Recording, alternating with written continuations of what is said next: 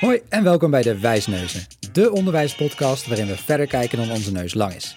We zoeken uit hoe het zit en bespreken wat je ermee kan.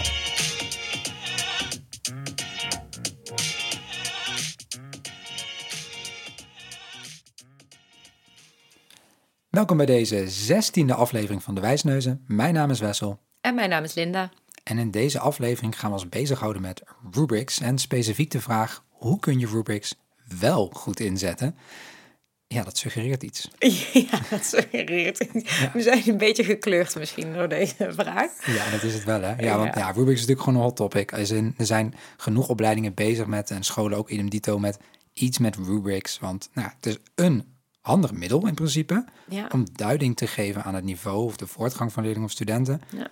Maar ja, de titel is er niet voor niets. Er wordt ook altijd wel een beetje gezocht naar, nou ja, misschien eh, hoe goed een rubric kan zijn of juist in de weg kan zitten. Ja, En jij bent ja. ingedoken. ik ben erin gedoken en je, je brengt eigenlijk al meteen eh, ja, de, de conclusie erop. Het is namelijk een mooi middel en geen doel. Dus Nee. dat, eh, nou, daar gaan we wat meer op in, in deze aflevering.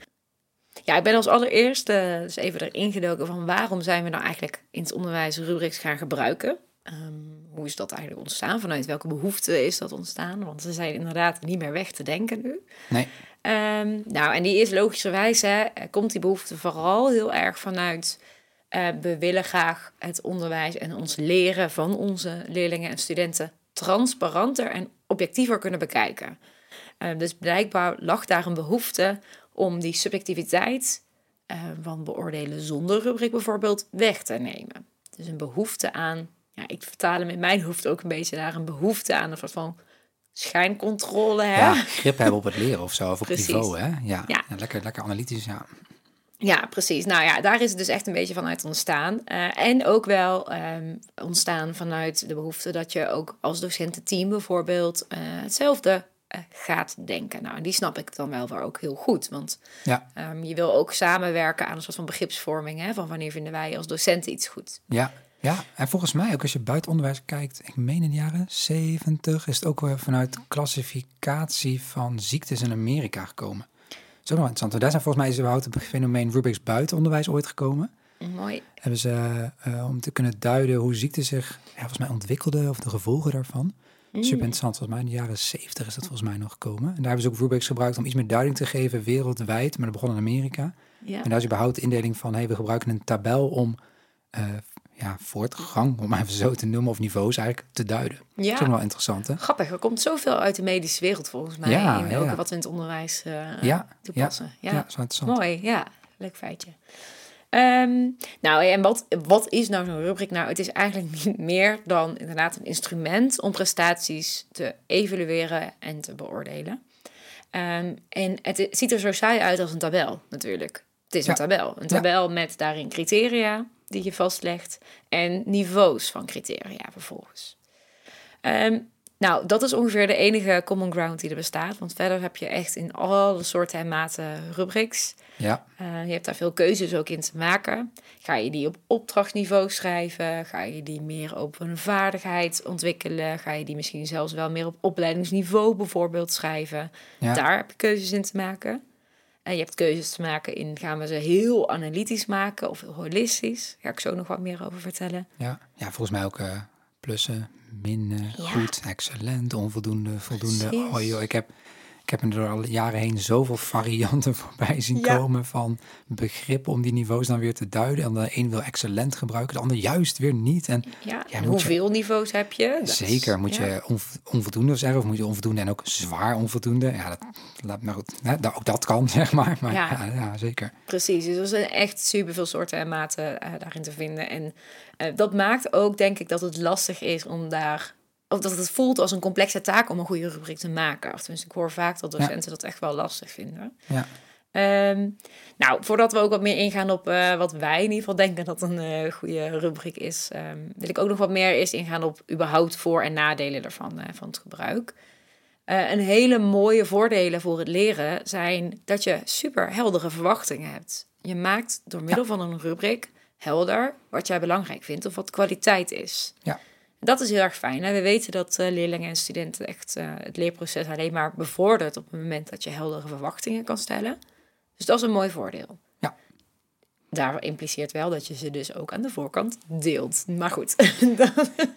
ja, dat is, ja, inderdaad. Ja, ik vind, ik vind, dat, ik vind dat altijd niet meteen vast te pakken. Het is wel, ja, mensen die dan zeggen, er staat een rubric ergens uh, daar en daar in de elektronische leeromgeving. Of, uh, ja, dan denk ik wel, jong, ja, dat is leuk, maar het is, als het goed is, onderdeel van je didactiek om exact. aan succescriteria te werken. En niet een schema om ooit nog eens naar te kijken. Nee, en dit is precies, als je ook naar de voordelen, uh, de overige voordelen ook kijkt, gaat het dus echt vooral, het moet het leren al, uh, al stimuleren. Dus je wil al in een vroeg stadium een rubriek erbij kunnen pakken om ja, het voordeel ook eruit te halen. Anders is het meer alleen een beoordelingsformulier ja, of zo. Ja, ik snap, dat kan natuurlijk overlappen, maar dan is het echt alleen dat ook of zo. Dat ja, is ook zo zonde. super zonde. Want een ander voordeel die het ook heeft, is juist dat de feedback die je geeft als docent, maar eigenlijk ook de feedback van peers bijvoorbeeld, dat die effectiever wordt. Ja. Want die kan, die kan je gerichter gaan geven. En dat is natuurlijk echt zo'n mooi voordeel. En dan denk ik van, inderdaad, hoe zonde als je dan dus niet die rubriek al op tijd deelt en bespreekt en, en Ja. bijpakt. Ja. Ehm, nou, en hetzelfde geldt bijvoorbeeld voor het kunnen evalueren van mijn eigen werk als leerling of student. Door middel van een rubriek met heldere criteria weet ik ook al sneller van mezelf hoe doe ik het en hoe sta ik ervoor. Ja, het is een mooi anker of zo ook voor het leren. hè. Dat, dat Exact. kan het echt wel zijn, als je Ja. het inzet. Ja. Precies. Dus dat zijn natuurlijk echt de voordelen van het leren, eh, die volgens mij heel helder zijn. Een voordeel voor beoordelen kan ook zijn hè, dat je meer consistent bent in het beoordelen. Nou goed, die eh, spraken we net ook al even over. Ja. Ook een duidelijk voordeel. Nou, qua na- nadelen in het gebruik van rubrics ehm, is eentje, en die is denk ik zonde, maar die herken ik wel, is dat het zo ontzettend veel werk kan kosten om zo'n rubriek te schrijven. ja, Dat we daar zoveel tijd bijvoorbeeld al aan besteden. En, eh, eens. eens. En, ik, maar, en ik denk dus ook dat dat komt omdat het ook maar verzinnen. Dat Ja. vind ik altijd zo wonderlijk interessant aan rubrics. Want vaak, eh, nou, wat best wel gebruikt is, dat je een succescriterium hebt en die ga je dan weer vertalen naar bijvoorbeeld vier niveaus of een leerdoel of leeruitkomst, wat je ook gebruikt als anker. Maar ehm, we verzinnen die niveaus ook maar. Ik vind dat Ja. zo interessant. Dus je, moet iets kunnen. Nou, nummertje vier is meestal hè, het beste is dat je dat doet. Of soms is dat dan weer excellent dat je nog wat beters doet. Maar in ieder geval drie of vier is dat je kan het. En daarvoor zitten dan niveaus dat je het nog niet helemaal kan. Nee. Lijkt als het ware de trap af. Hè, minder goed. Maar ja, wat dat dan is, ja, dat verzinnen we ook maar. En dan gaan we het heel vaak Ja. proberen in, in, ja, in, in bepaalde aantallen te en we verzinnen er maar. En dat maakt denk ik ook zo moeilijk en zoveel tijd. Zeker. En het wordt een heel eh, talig ding. Ja, Dat ons heel lang vastbijten in hoe schrijven we Ja. eh, die criteria. Nou, dat is best eh, een klus. ja, Ja, dus dat is een bekend nadeel. En eh, ja, het beperkt de flexibiliteit. En beperkt ook de manier waarop je gaat kijken naar je leerlingen en studenten. En zij naar zichzelf. En Ja, zij naar Het zijn zichzelf. hokjes, hè? Dus, eh, Precies. in welk hokje hoor jij thuis? Ja, weet je, ze zeggen wel eens leren past niet in een hokje, maar dan, dan, dan, dan creëer je het wel. Ja, precies. Je gaat focus maken, een focus leggen op die dingen die je hebt vastgesteld in de rubriek. En als je daar omheen misschien allemaal andere dingen hebt geleerd, Ja. ja, Ja, ehm, dat is dan eh, echt wel eh, ja, moeilijk om daar ook aandacht voor te blijven hebben. ja. Nou, en ik denk ook die, die, die simpliciteit die je ermee creëert of zo met rubrics, hè? Dat Mhm. dingen heel, dingen die super holistisch, complex kunnen zijn, die gaan we dan super simpel proberen weg te schrijven soms. Ja. Soms te. Kijk, dat er wordt ook wel echt wel genoeg pogingen gedaan en soms gaat het ook goed, maar ja, in hoeverre kun je een holistische, complexe taak samenvatten in een paar hokjes? Precies. En is dat het dan? Of zo? Ja, ja. dus, dus hè, hier al de eerste eh, tip. eh, bedenk goed of een rubriek het middel is Ja, om tot een beoordeling van of een beslissing te komen. ja, En als het een, een complexe vaardigheid eh, gaat, dan is het misschien niet de manier om te beslissen. nee, zeker. Ja. Nou, een ander eh, gevaar, om zo maar te zeggen, wat het ook wel met zich meebrengt, is dat je gewoon ontzettend gefocust gaat worden op een beoordeling, in plaats van op leren en ontwikkelen. Ja. Dus in plaats van dat ik een gesprek met jou voer over hoe iets is gegaan, eh, ga ik iets invullen. Ja, En dat is eigenlijk weer die simpliciteit. Eh, en haalt eigenlijk heel veel duiding weg. Want ja, ik, ik, ik heb gewoon een beslissing genomen op basis van een tabel. Ja, en die Letterlijk. tabel wordt dan, en dat is een soort van, ik vind het het toffe van een rubric kan zijn dat het een soort gesprekskaart kan zijn. Ja, Eh, want je hebt het samen over kwaliteit, maar tegelijkertijd is inderdaad het gevaar dat je dan gaat hebben over die gesprekskaart. Oftewel, nou, ga je van hokje 2 naar hokje 3.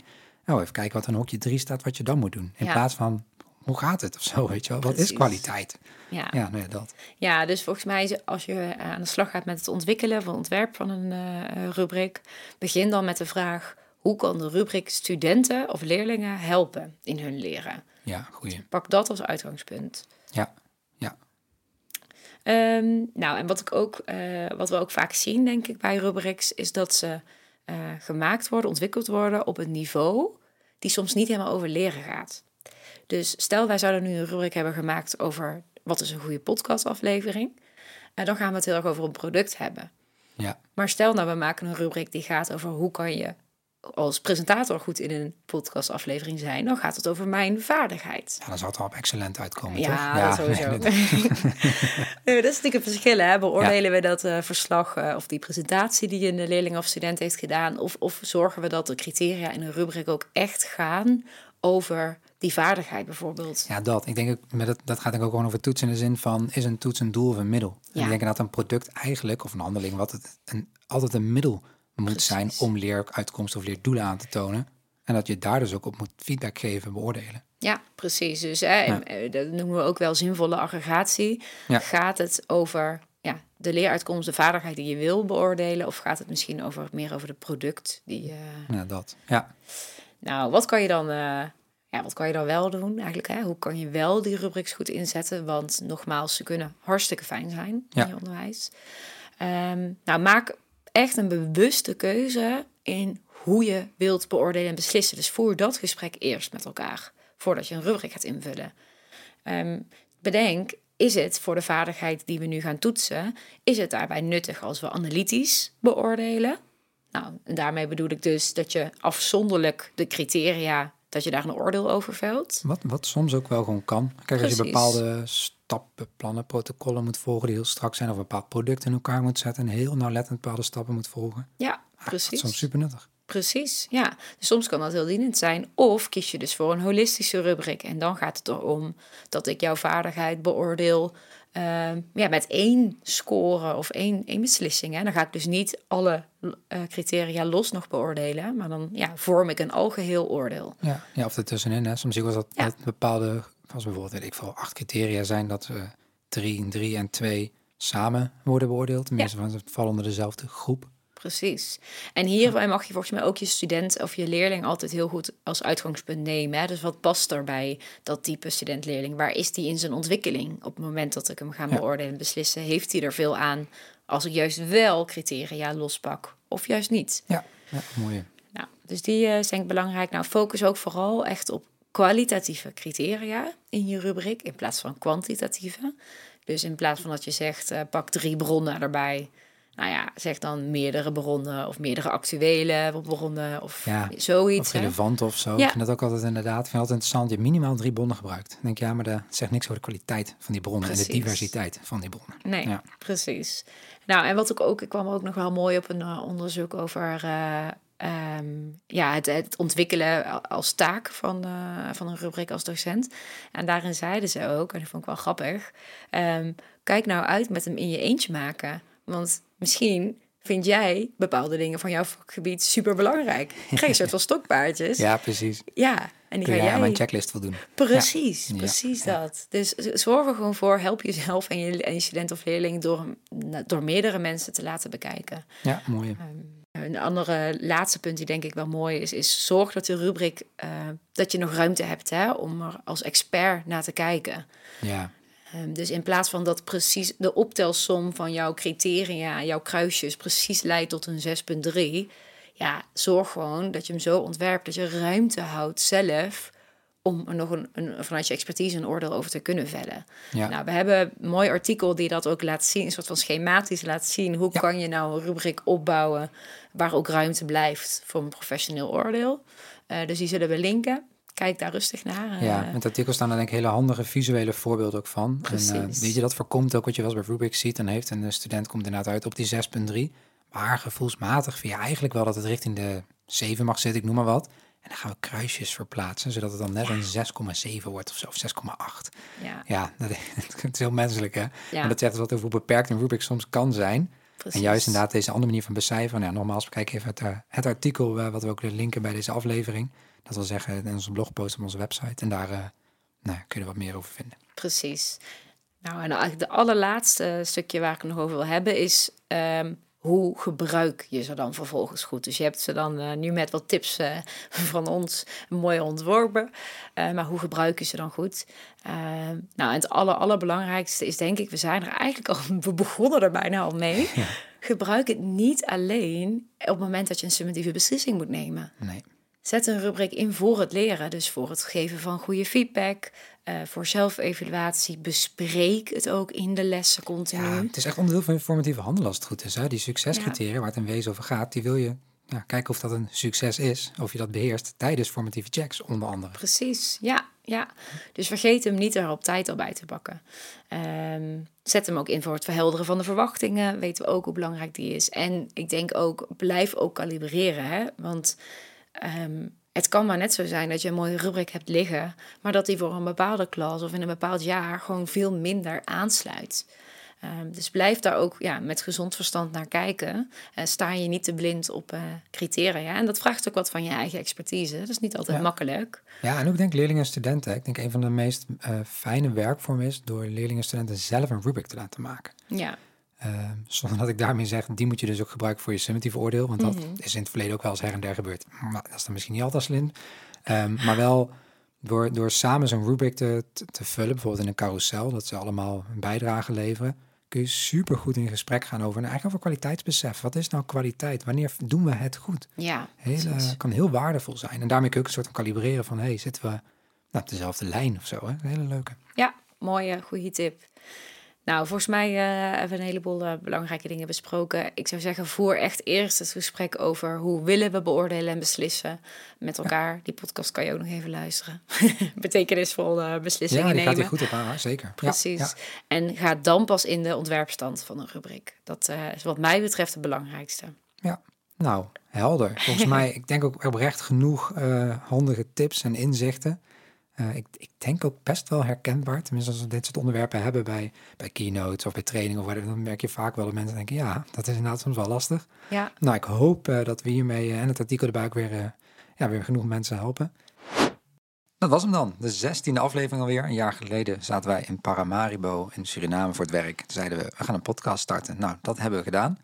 Dat hebben we zeker gedaan. 16 mooie afleveringen in één jaar. Een jaar, ja. Ik ben wel trots. Ja, ik ook wel. het is toch wel, ja, het is gewoon leuk. En uh, ik denk dat we best, best veel onderwerpen besproken dit jaar. Van heel didactisch tot wat meer onderwijskundig, programmatisch, tot nou, noem het allemaal maar op. Ja, mooie en, brede range. En uh, ik zou zeggen, heb je mooie ideeën voor ons um, voor het nieuwe jaar, voor de podcast, dan uh, laat maar komen, wij gaan graag door. Ja, zeker, zeker. We hebben er hartstikke veel zin in. Uh, en we zijn ook zeker terug. We gaan eerst ook even kerstvakantie houden. Want uh, net uh, ongeveer als heel Nederland gaan wij ook kerst vieren. Lekker oud en nieuw vieren. Precies, precies. En wij zijn nou, in de week van 8 januari zijn we weer terug. Oftewel op woensdag 10 januari komt de volgende aflevering online. Precies. En dan nou, hopen dat je weer luistert. En hopelijk weer nieuwe inspiratie op kan doen. En voor nu een hele fijne vakantie. En tot, tot, de, volgende. volgende.